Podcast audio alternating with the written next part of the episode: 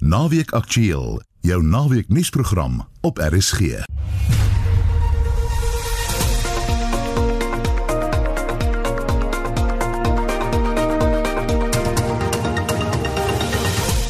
Goeiemiddag. In die volgende uur kenners waarsku dat jonger mense toenemend vatbaar is vir kanker.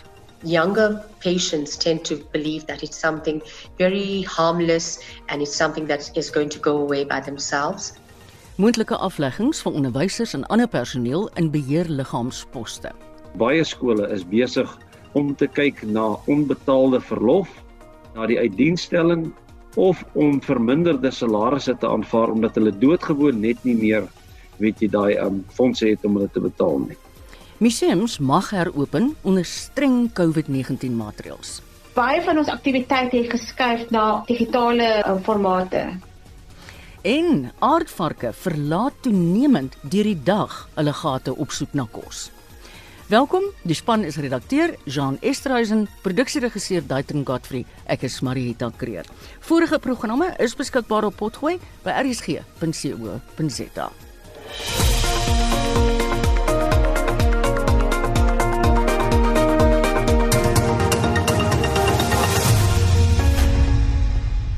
Saterdag aand 11 Julie om 20 oor 7 speel ons vir jou weer 'n paar goeie goue oues. If a picture paints a thousand words, then why can't I? Dis net van die goeie goue oues. Maak seker jy skakel in Saterdag aand 11 Julie om 20 oor 7 vir Heidi se wegtrek nommertjie. Drive your car down to the sea.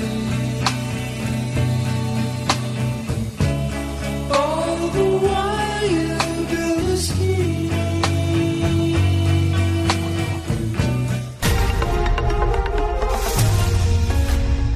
Kenners op die gebied van onkologie waarsku dat jonger mense, veral tussen die ouderdomme van 30 en 40, toenemend vatbaar is vir servikale, bors of prostaatkanker. Verskeie onkoloë waarsku dat roetineondersoeke in die verband nie afgeskeep moet word tydens die pandemie nie, om te verhoed dat late diagnose tot ernstige siekte lei. Marlenae Forsie berig. Dr Karen Motilal, 'n kliniese en bestralingsonkoloog, waarsku dat hierdie vorms van kanker meer lewenseis per jaar as vigs, tuberkulose en malaria gesamentlik. Tradisioneel het die siekte hoofsaaklik ouer mense geraak. We're now seeing that in younger patients, specifically those with a strong smoking history, patients that have a strong alcohol consumption history, and then depending on the type of cancer, example cervical cancer, if you have a co infection with certain viruses like the human papillomavirus, multiple sexual partners, or even you know just having one partner for the lady but a promiscuous male partner tends to put the female at a higher risk of cancer. Sy waarsku dat hoewel jonger mense nou meer vatbaar is weens verskeie ander redes, hulle skugter is om roetineondersoeke te ondergaan. Younger patients tend to believe that it's something very harmless and it's something that is going to go away by themselves. So they tend to present later. They're also very career driven and, you know, taking time off from work for a niggling lump somewhere is at the bottom of their priorities as opposed to meeting deadlines. Wanneer die simptome vir hierdie spesifieke kankers begin sigbaar raak, is die kanker dikwels op 'n gevorderde stadium wat moeilik is om te behandel. We'd recommend clinical breast examinations and self breast examinations. And for a lady from the age of 40 to discuss with her doctor her risk factors, her family history, and then to consider having mammograms at least every one to two years. As opposed to cervical cancer, which starts much earlier in terms of screening, from the age of about 20, 21 years old, we consider doing pap smears. We suggest at least every three years to have a pap smear done. And that frequency can be altered according to what the findings are and what your other risk factors. For patients with prostate cancer, it's recommended that from the age of about 40 years old, you should be presenting to your doctor for an annual digital rectal examination, as well as a blood test called the PSA, the prostate specific antigen. And we monitor that at least every 1 to 2 years as well. Die inperkingstyd het 'n beduidende impak op roetineondersoeke, maar sy waarsku dat indien simptome vir 'n langer tydperk voortduur, uitstel nie 'n opsie is nie. If you have any symptoms, example, you're feeling a breast lump, you're having any bleeding, vaginal discharge, that's not a screening test that needs to be done. That's something that you need to make an arrangement to go and see your healthcare provider sooner. If you had a screening test planned before the lockdown, I would suggest calling your healthcare provider, chatting to them about your risk factors, as well as your previous screening test results, if there were any available, and then rescheduling. Dit was 'n kliniese en bestralingsonkoloog, Dr. Karen Moutilal. Ek's Marlene Forsie vir SAK nuus. 'n Totaal van 36 polisielede het reeds weens COVID-19 gesterf en meer as 5000 het al positief vir die virus getoets. Dit is alles sedert die grendeltyd ingestel is. Die minister van polisie, Bekkie Cele, het 'n permanente gesamentlike padblokkade op die N1 Noord gister besoek. Lila Magnus doen verslag. Die minister van Polisie, Bekkie Cele, sê meer as 200 000 mense is weens oortredings van die COVID-19 regulasies in hegtenis geneem. Hy het bygevoeg dat verskeie hoë profiel transietrowers ook vasgetrek is. Die minister sê omdat Gauteng nou die kern van die pandemie is, die lede moet waak teen die onsigbare vyand, maar in die proses nie vergeet van die sigbare vyand nie. When you deal with the population out there, remember to be professional, speak to them, work with them in a more softer way. But that does not mean that when you see the criminal, you laugh. You don't, when the criminal shoots you, there is no photo that comes out of there. So you have no business to smile with the criminals. And the criminals are taking the chance because you are busy with the convict. Hy sê hulle het opgemerk dat misdaad vinnig toeneem in die drie provinsies waar die COVID-19 pandemie die ergste is. Die minister sê egter die geveg teen geslagsgeweld bly 'n prioriteit en het die polisielede aangemoedig om hul optrede teenoor geslagsgeweld slagoffers te verbeter en die slagoffers met empatie te behandel. I want to emphasize this call that that remains the priority as the president has called it as a second pandemic it is important that people that go to police stations especially the victims of gender violence must be treated accordingly with respect don't send them to go and negotiate. It's not our job. Our job is to arrest those people that uh, perpetrate violence against women and children. Hy sê die polisie sal families van lede wat weens COVID-19 gesterf het, ten volle bystaan en lede daaraan herinner dat die diens verskeie ondersteuningsstelsels het indien 'n lid positief vir die virus toets. Ek is Lila Magnus vir SAIK nuus in Pretoria. Nou vir 'n baie interessante bydrae. Navorsing wat onlangs bekend gestel is deur die Universiteit van die Witwatersrand, toon dat aardvarke toenemend deur die dag hulle gate verlaat op soek na kos. Maar hulle is nagdiere. En navorsers waarsku dat hulle daguitstappies kommerwekkend is. Weer Marlenae. Volgens Dr Nora Vaye, die hoofnavorser van die projek, staan die diere bekend as ekosisteem-ingenieurs. Each aardvark builds lots of burrows, and when these burrows are deserted, these other burrows are free to be used by dozens of other animal species. For example, many warthogs and porcupines use aardvark burrows, and these are quite common animals. But then there's also the endangered pangolin, which uses aardvark burrows, and the cute bat-eared foxes. But also birds and bats and reptiles use aardvark burrows. And the aardvark burrows shelter all these animals from extreme heat and cold and also from predators. Die diere eet slegs mure en termiete en verlaat hulle skuilings snags om diese hoope om te dolwe vir hul maaltye. Met hulp van gevorderde tegnologie is verskeie aardvarke se gewoontes gemonitor. We implanted the aardvarks with radio transmitters which send a frequency so that I could track each aardvark with an antenna And the cool part is that we also used mini computers called biologgers, which were implanted in the artifacts. And these biologgers recorded the activity and the body temperature of these artifacts every five minutes over about three years. So we really had a big data set that we could work on and analyze on our computers. Deur die loop van die dag is kameras buite die gate geplaas wat elke keer wanneer die diere hulle skuilings verlaat, geaktiveer is. And when the artifacts came out of their burrows, I tried to follow them around and observe what they were doing and and then also to try out what to find what they were eating. So I tried to find their poo, but that's a whole nother story. Weens die koue kom aardvarke in die winter vroeër uit om die aand se erge koue te vermy. Tydens die droogte van 2012 en 2013 het die diere egter in die oggend gaan kos soek en eers in die aand teruggekom. We think that during the die of the vegetation, the food of the artifact was affected, which is the ants and termites. So the artifacts didn't have enough food to keep their metabolism up and to keep themselves warm because you need a lot of energy for that. So they were coming out during the day to save the energy because they were then out during warmer times of the day. In verskeie gevalle het dit egter nie gewerk nie en is verskeie diere dood. Wye kon ook met behulp van tegnologie die diere se liggaamstemperatuur meet. During drought, the artifacts that didn't have enough food couldn't maintain a stable body temperature.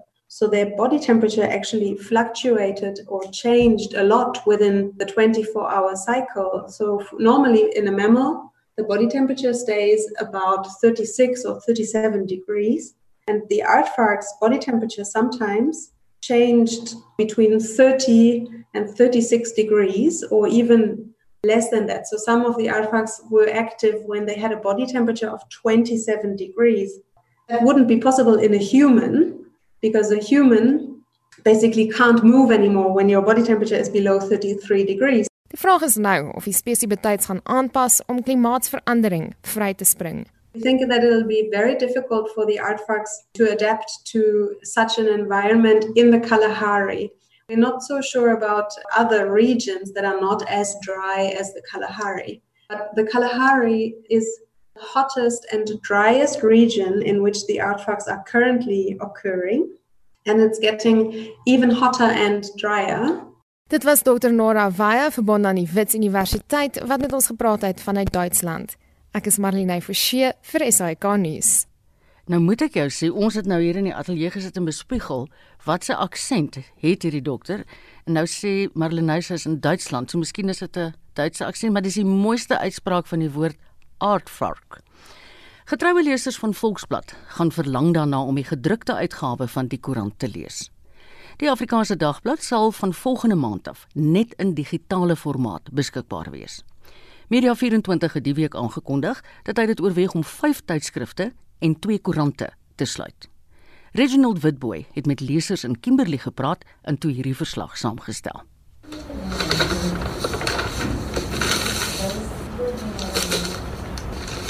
Die tekstuur en 'n reek van 'n gedrukte koerant is waaraan sommige lesers deur die jare gewoond geraak het. Volksblad is die oudste Afrikaanse dagblad in die land en het sy eerste weergawe in 1925 gedruk. Maar met die veranderende tye het Media24 besluit om die koerant slegs digitaal te publiseer. Meer as 600 werknemers sal geraak word deur Media24 se herstruktureringsstrategie. Johan Duisel in Kimberley is 'n getroue leser van Volksblad vir die afgelope 20 jaar. Hy het vreugde gevind deur elke dag die koerant in sy hande te hou en dit te ryk. Sodoende het hy 'n liefde vir nuus ontwikkel. En wat is dan nou lekkerder om die Volksblad deur te blaai met 'n lekker koppie warm koffie. Maar dis nou verby. Hulle gaan nou digitaal en ons moet seker maar aanbeweeg. Maar ek dink tog dat dit baie moeilik gaan wees vir diegene wat nie rekenaar geletterd is nie.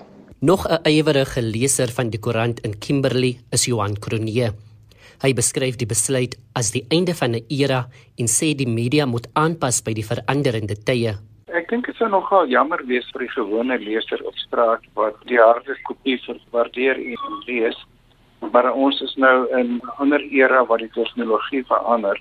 En mense sien nou maar met verlief neem dat hulle dit maar of aanlyn of op hulle selfone sal lees. Ek dink ek sou maar ek sou maar hoofsaaklike digitaal lees. 'n Voormalige spesialis joernalis by Volksblad, Shane Kemp, sê die aankondiging het as 'n groot skok gekom, maar tog het sy dit verwag. Kemp is 'n skrywer en bekroonde joernalis. Sy sê die toekoms van joernalistiek hang in die weegskaal. Benemens die verliese aan werksgeleenthede is daar sekerlik nou minder geleenthede vir vryskut joernaliste wat jammer sal wees vir die vir die leser want hoe meer joernaliste oor baie onderwerpe kan skryf hoe ryker sal die leser of hoe meer baat sal die leser daarbey vind.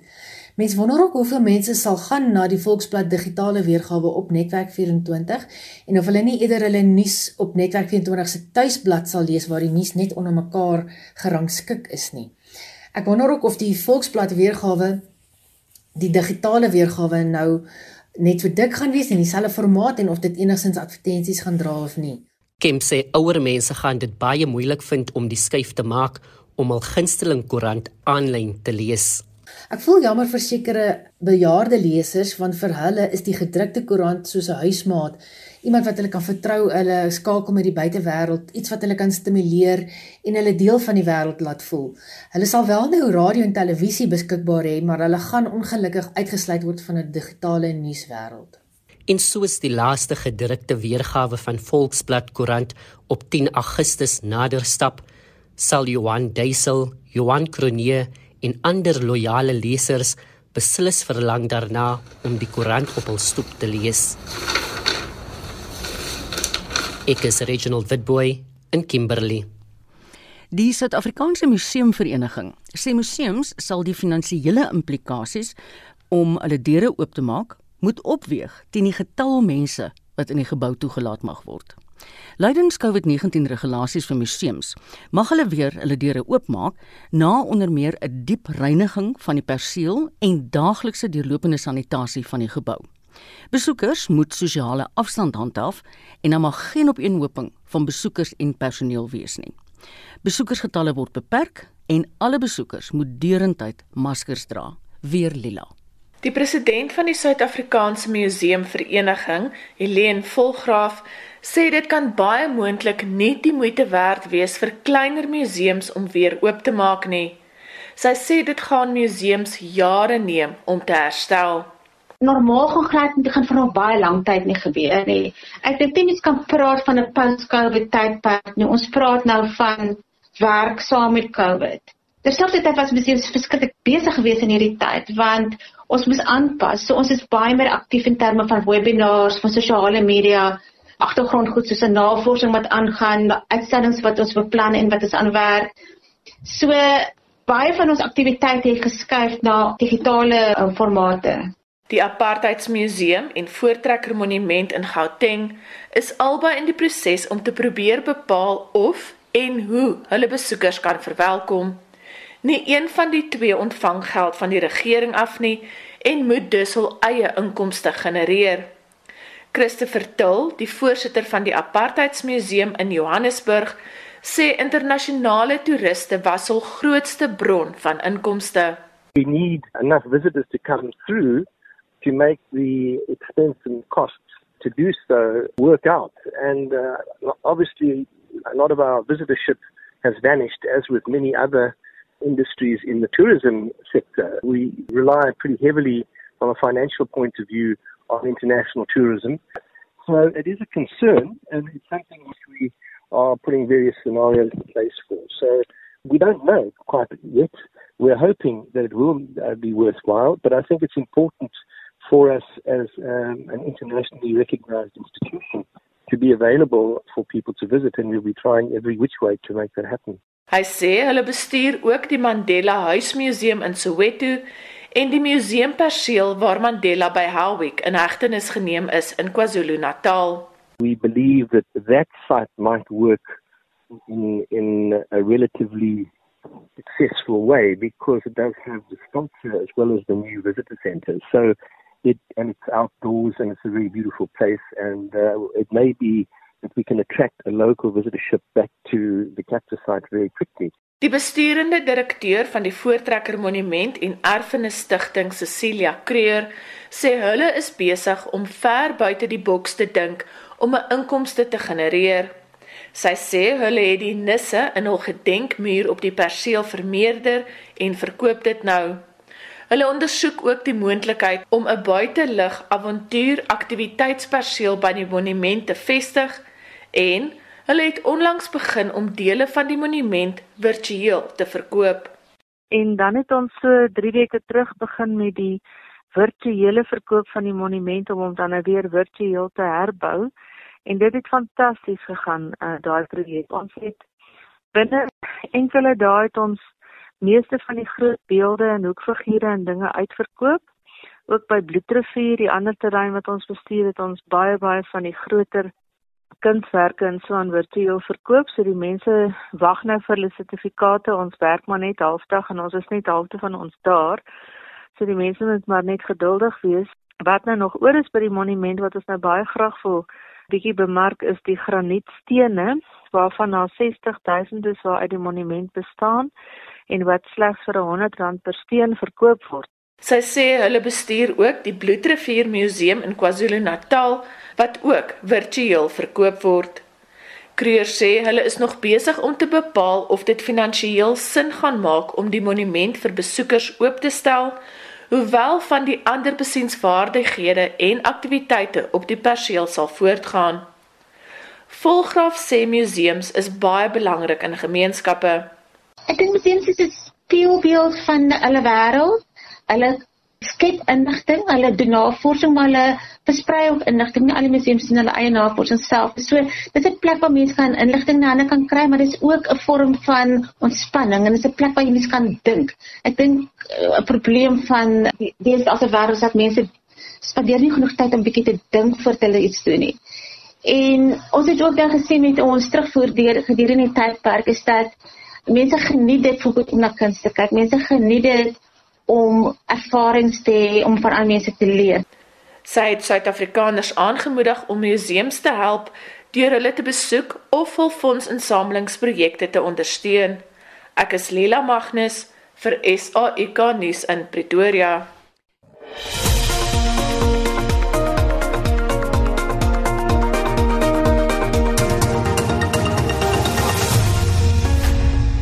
1229. In ons weeklikse motorrubriek beantwoord Wessel Pretorius 'n luisteraar se vraag en hy toets 'n sitroen. 'n Luisteraar Callie van der Merwe vra wat die leeftyd van diesel is.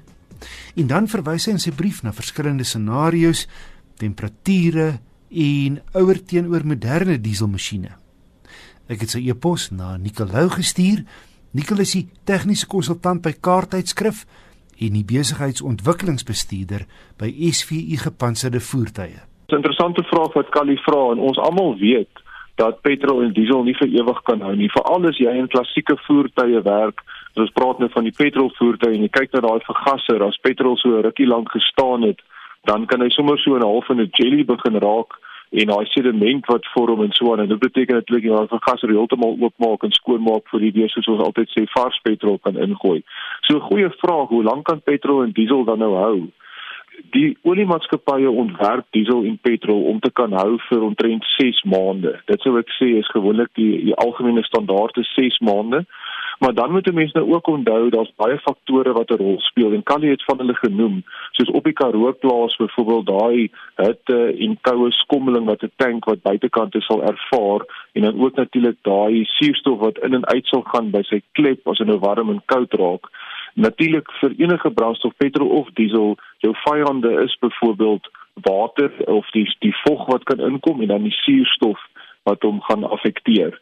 Nou petrol kan nie so lank soos diesel hou nie. Een van die redes daarvoor is dat dit meer vlugtig is of die Engelse woord daarvoor is volatile. So is meer geneig om te verdamp, hy's meer geneig om te reageer. Uh diesel is meer soos olie, so dit kan bietjie langer hou. Ehm um, natuurlik as ons gepraat het van die 6 maande, dis al 'n algemene standaard. Maar as ons kyk na die optimale kondisies wat die brandstowwe gestoor kan word, kan dit eintlik langer as 6 maande hou. En miskien kan ons hier net raad gee vir ons luisteraars dat as jy brandstof lank wil hou, maak seker dat die houer wat jy die brandstofinhou heeltemal volgetap is en dan verseël word sodat daar nie kan suurstof of vog in aanraking met die brandstof kan kom wat dit dan kan afbreek met tyd nie. Maak ook dan nou seker die houer wat jy gebruik is heeltemal skoon en as dit soos 'n jerrycan is waarvan Kali praat wat hy nou nie al roes en so aan die binnekant het wat ook nou gaan begin reageer met die brandstof nie. Maar ja, sê maar 6 maande en in optimale kondisies kan jy selfs langer as dit gaan. Dit dan Nicolou, hy is die tegniese konsultant by Kaarttydskrif en die besigheidsontwikkelingsbestuurder by SVU Gepantserde Voertuie. Indien jy motornavraag het, is jy welkom om dit na my te e-pos. My adres is wissel@rsg.co.za. Citroen het verlede jaar weer teruggekeer na Suid-Afrika met 3 reekse. Die C3 wat met die Volkswagen Polo meeding, die C3 Aircross in die Ford EcoSport klas en die een wat ek vandag evalueer, die C5 Aircross met die Volkswagen Tiguan, Toyota RAV4, Mazda CX-5, Hyundai Tucson en 'n rits ander as kompetisie. Opvallend is die Citroen se fris, maar nogal eie soortige en futuristiese voorkoms.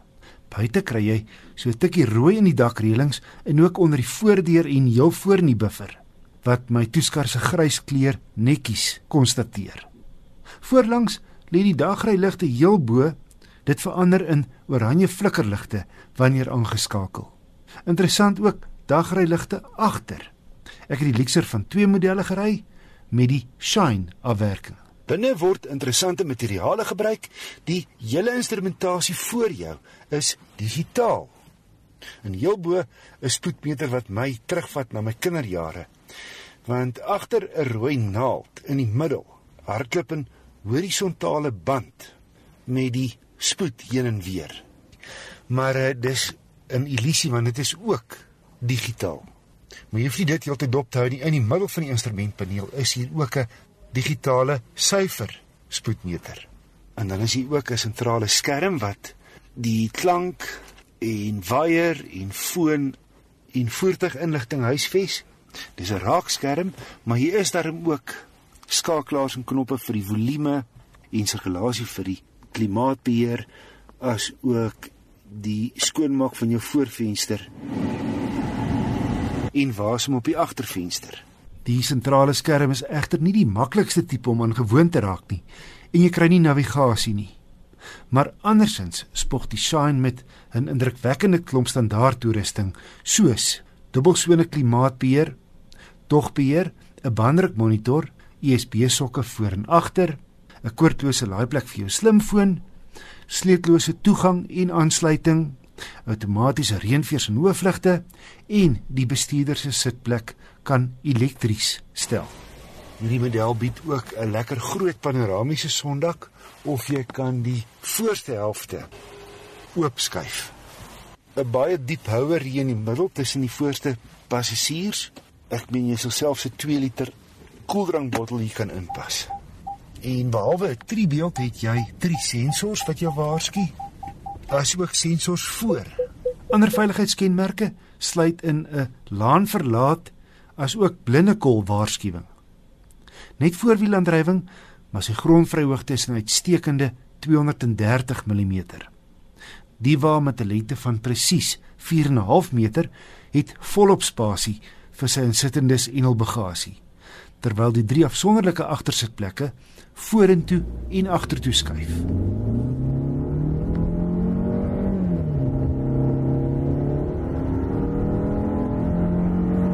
121 kW 1.6 turbo petrol lewer selfs volgelaai voldoende krag.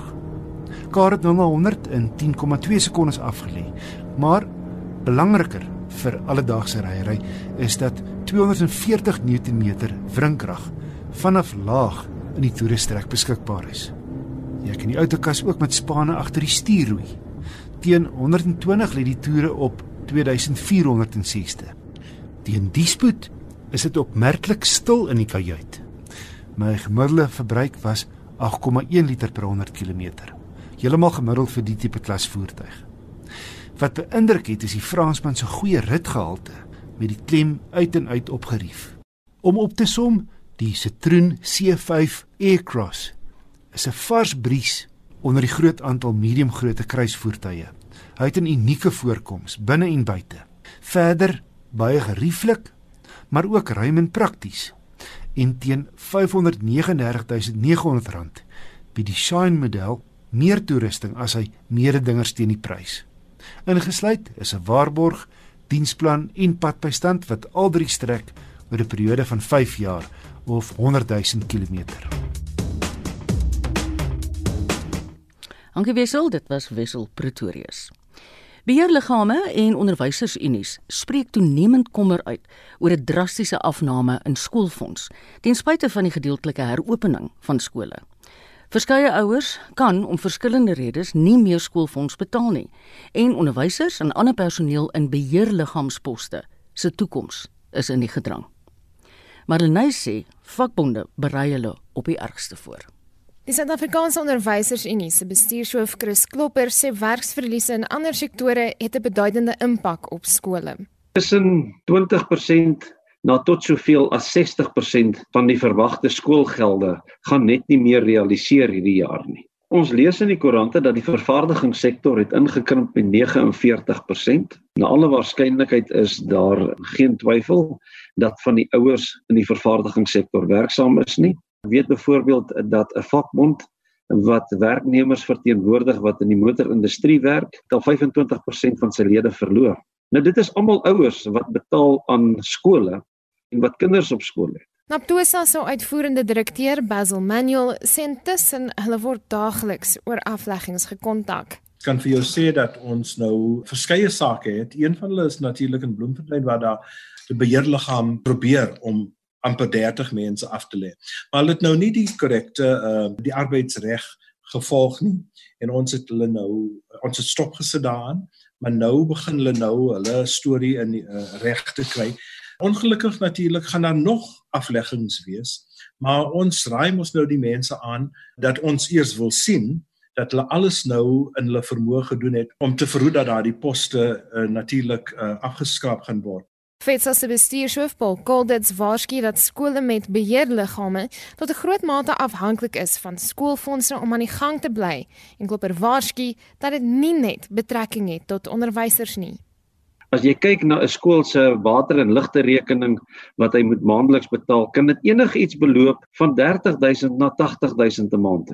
50% plus van baie skole se bedryfsuitgawes word bestee aan die onderwysersalarisse van daardie persone wat deur die beheerliggame in diens geneem word. Daar's omtrent 150 000 van hierdie persone wat deur beheerliggame in diens geneem word, waarvan 50 000 opvoeders is. Die terugvoer wat ons sover kry is dat baie skole is besig om met daai personeel gesprek te voer om te kyk na onbetaalde verlof, na die uitdienstelling of om verminderde salarisse te aanvaar omdat hulle doodgewoon net nie meer weet jy daai um, fondse het om hulle te betaal nie. Hy beklemtoon verder dat hulle nie vyandig gesind is teenoor skole nie.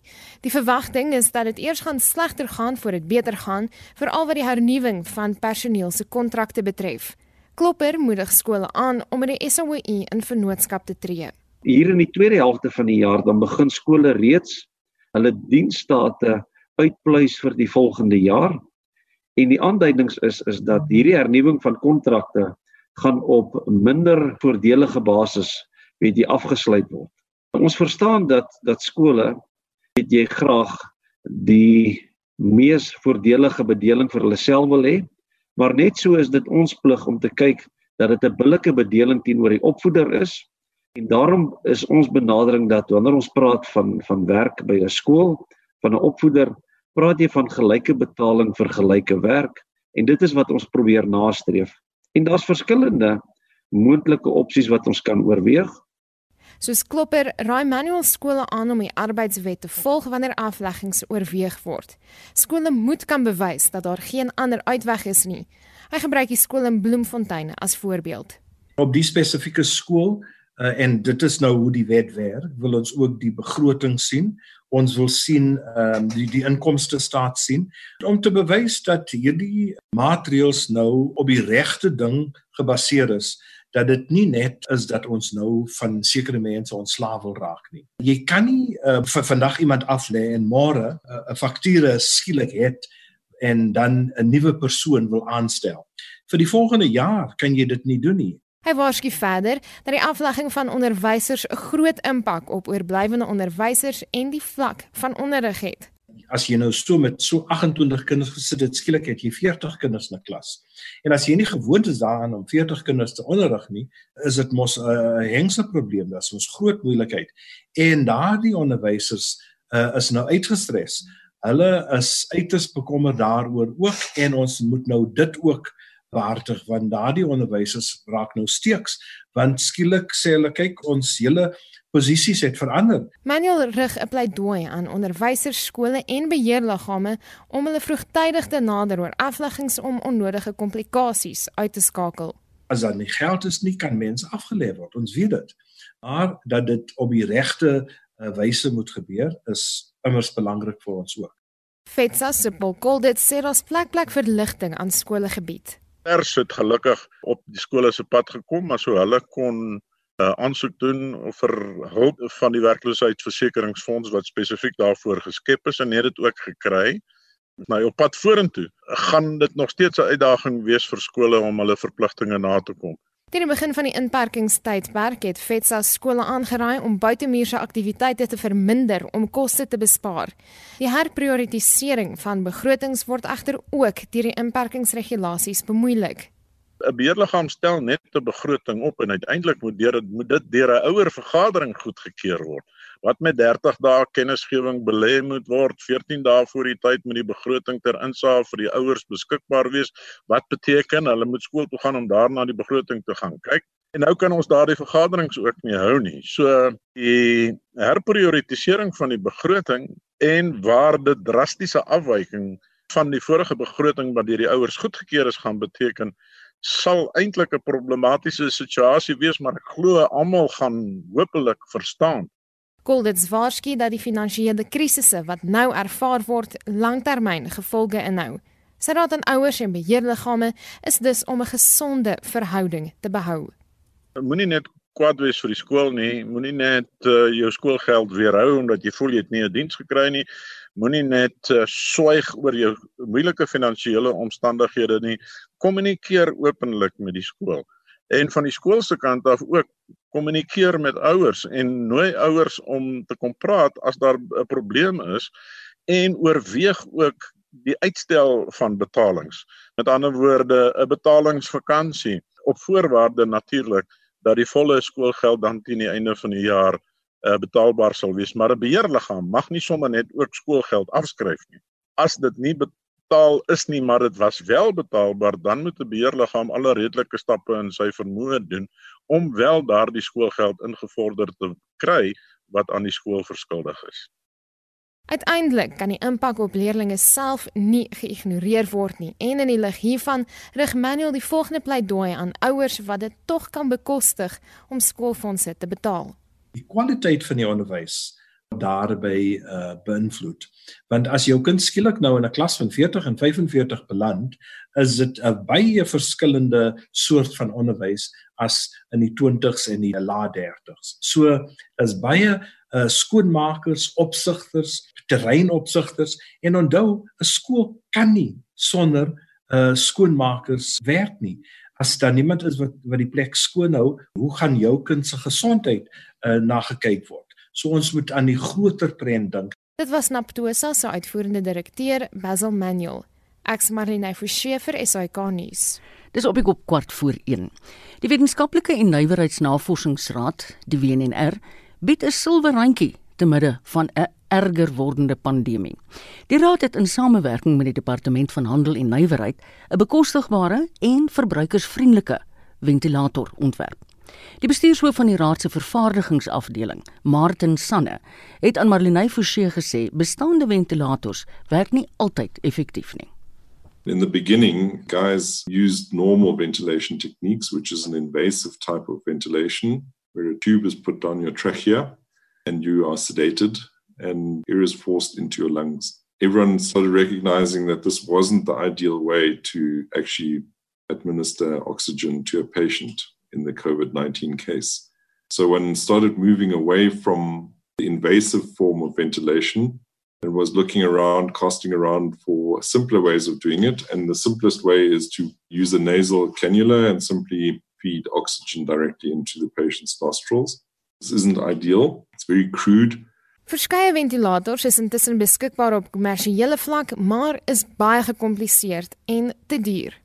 And use a mask and you mix normal ambient air with oxygen and you push that towards the mask. The mask needs to be specially designed. It needs to have pressure valves which protect the patient. So, A, one wants to keep a positive pressure within the patient's lungs all the time to keep the alveoli open. And that's the one side. And the other side is you don't want the mask to actually block air. So you need an anti asphyxiation valve. And then you need to filter the air coming out of the mask into the outside ambient air because that is obviously containing droplets from the patient. Van hierdie besluit om die saak in eie hande te neem, Is probably the simplest type of device or ventilator that you can buy on the market in the world now. And it serves its purpose. So it's been through clinical trials. It has a regulatory authority approval, so SAPRA, South African Health Products Regulatory Authority. They base the requirements on the World Health Organization specifications for ventilators. So we have followed all the rules, regulatory guidelines, and specifications. Hy sê hulle beplan om die ventilator in sy geheel post-COVID op volhoubare wyse binne die land te produseer. Weens die druk word verskeie komponente van die buiteland af ingevoer, maar prosesse is reeds onderweg om te verseker dat niks in die toekoms ingevoer hoef te word nie. So the program is funded currently by the Solidarity Fund through the DTIC and through a program called the National Ventilator Project. And the Solidarity Fund is putting up the funding for these first ventilators for the first 10,000 and maybe a few more. And they are donating these to the Department of Health. And the Department of Health will then decide which hospitals, clinics, field hospitals, and quarantine stations should get them. Dit was die bestuurshoof van die Wetenskap en Nywerheidsnavorsingsraad se vervaardigingsafdeling, Martin Sanne. Ek's Marlene Forsiefer, SAK nuus. Ons bly by COVID. Baie hospitale in Suid-Afrika word tans oorweldig deur die baie pasiënte met COVID-19. Die koronavirus het tot dusver die lewens van meer as 3600 mense geëis. In bykans al die gevalle het die naasbestaandes nie kans gekry om afskeid van hulle te neem nie weens die risiko van infeksie. Darren Taylor doen verslag in die eerste van 'n reeks stories oor een familie se reis deur die pyn van COVID-19. So wat 'n maand gelede het 'n 61-jarige onderwyser, Yasmin Hafaji, nie haar regte naam nie. Hy is toegekom van haar werk by 'n skool naby Kaapstad. Sy het geweldig moeg gevoel. Hafaji se jonger suster, Fazila Mohammed, ook 'n skuilnaam, sê haar suster het gesukkel om asem te haal, maar het gedink dis net haar gewone asma wat gepla het. Her husband starts getting ill by the Thursday also. Die volgende Dinsdag was Mohammed se verjaarsdag. Haar familie het vir haar 'n video collage van verjaarsdagwense gespeel met gebruik van die Zoom platform. Right at the end of that video, I said to them, But where's my sister? She's not sent me a message. And my daughter said, Mommy, she was not well last night. And I got so angry because I then realized Mohammed het onmiddellik na Hafaji se huis gehaas om haar hospitaal toe te neem. I put her in a car, dressed her. She was ill. I knew I was putting myself at risk, but you know, this is what we do for family. And Haar suster se man was toe ook siek, so sy het hulle albei gevat. 'n Verpleegster het hulle die hospitaal ingeneem en het later teruggekom om met Mohammed te praat. She brought the information back and said they're being admitted to an ICU. The next morning, my sister sent us a message to say they're COVID positive.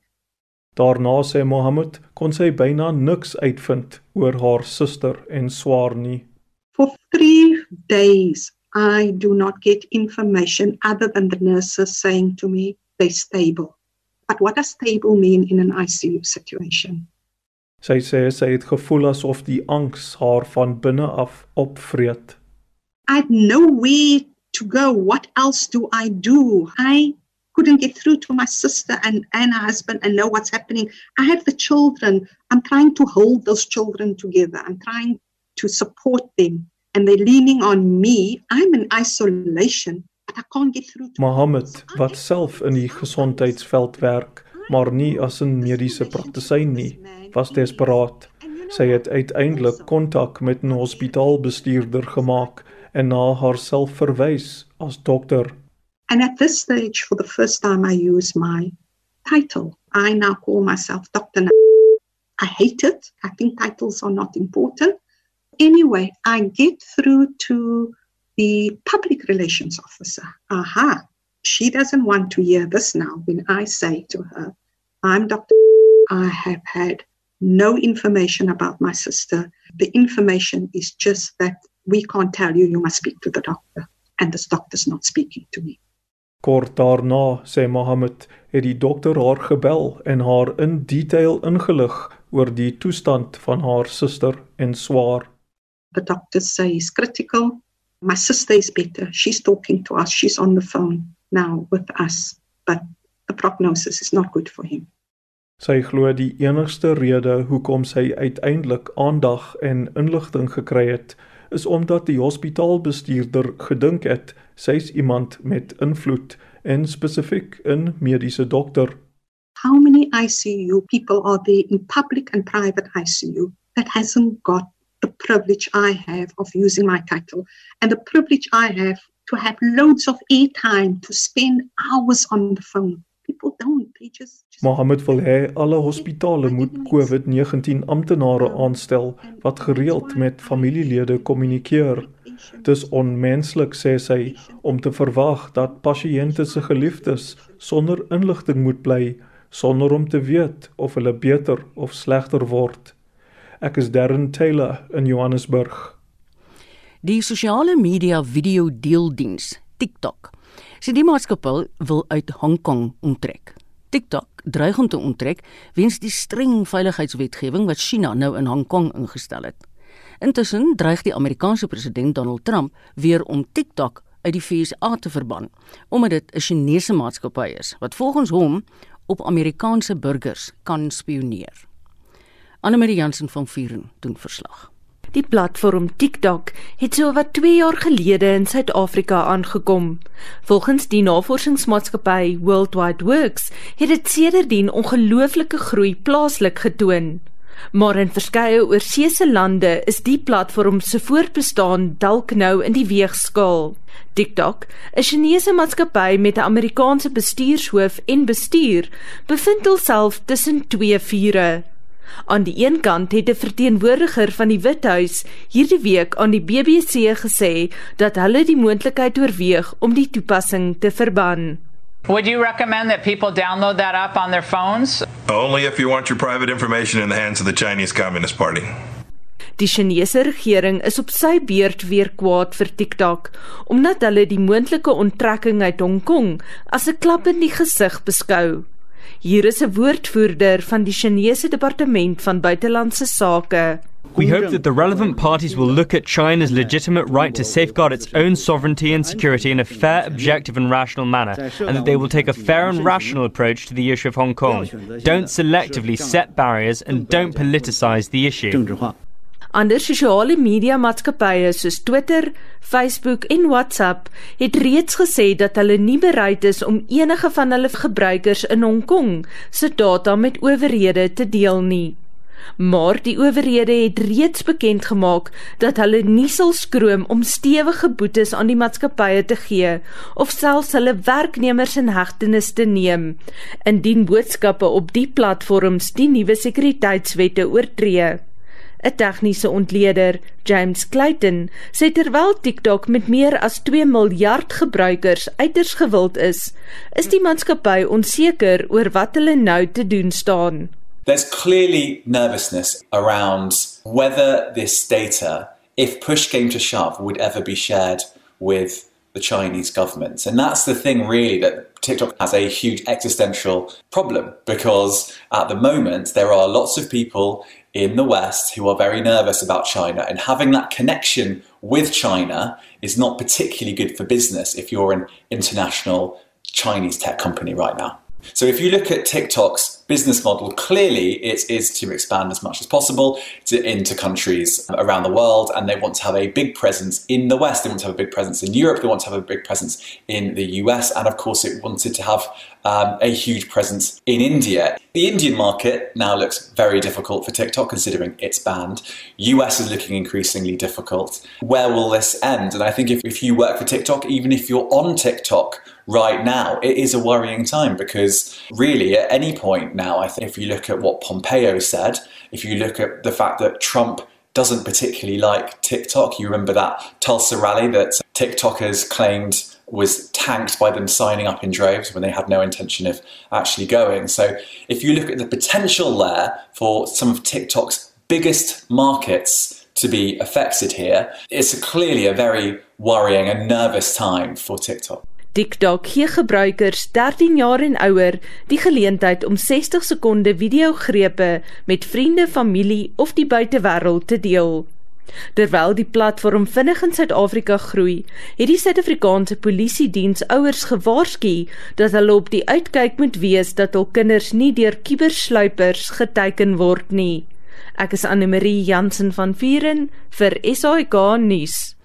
Die regering het nog nie aangedui of hy Vita se aansoek om verlof tot appel gaan teenstaan nie. Dit volg nadat die Hooggeregshof in Pretoria die tabakorganisasie verlof tot appel toegestaan het teen 'n vorige uitspraak oor die verbod op die verkoop van sigarette. Vita se voorsitter, Sinenhlanhla Mnguni, sê die hof het fouteer in sy bevinding dat sigarette nie 'n noodsaaklike produk is ingevolge die wet op rampbestuur nie. Now we intend raising a number of uh, arguments in as far as the grounds on which our leave to appeal is sought, one being the issue of costs, and that we feel that the court erred in ordering that we pay costs of the respondents, specifically when one has regard to the fact that the respondents uh, stated an argument that costs were not sought against us. Further, we maintain the uh, stance that um, the regulations in as far as um, the banning of the sale of cigarettes are ultra vires section 27 of the act and that the court erred in its formulation and definition of the meaning of the threshold for necessary within the meaning of Section 27 of the Disaster Management Act. In this regard, we are supported by case law and we feel strongly on this point. Mguni vra vir antwoorde oor waarom ons die enigste land ter wêreld is wat die verkoop van tabakprodukte verban. We raise a number of other arguments in as far as the uh, fact that uh, internationally we are the only country currently with such a ban on the sale of cigarettes. We further feel that um, the court erred in as far as its adjudication on the fact that the minister acted rationally in implementing this ban. We have further requested that the court look at uh, the criminality aspect and the criminalizing of conduct. And as far as um, the sale of cigarettes, the exponential growth of the illicit trade in tobacco products. We further deal with the fact that uh, under the principle of audi alteram partem, we were not engaged and um, there was no real consultation with industry in as far as uh, the implementation of such a ban on the sale of cigarettes. Dit was Sinentlantla Mnguni, die Fair Trade Independent Tobacco Association se voorsitter. Ek is Vincent Mofokeng vir nuus. Dit was naweek aktueel hier op RSG. Ek groet namens die waarnemende uitvoerende regisseur Hendrik Martin, vandag se redakteur Jean Esterhuizen, ons produksieregisseur was Daitrin Godfrey, ek is Marieta Kreer. Geniet jou middag in die geselskap van RSG. Estie sal gereed met die nuus.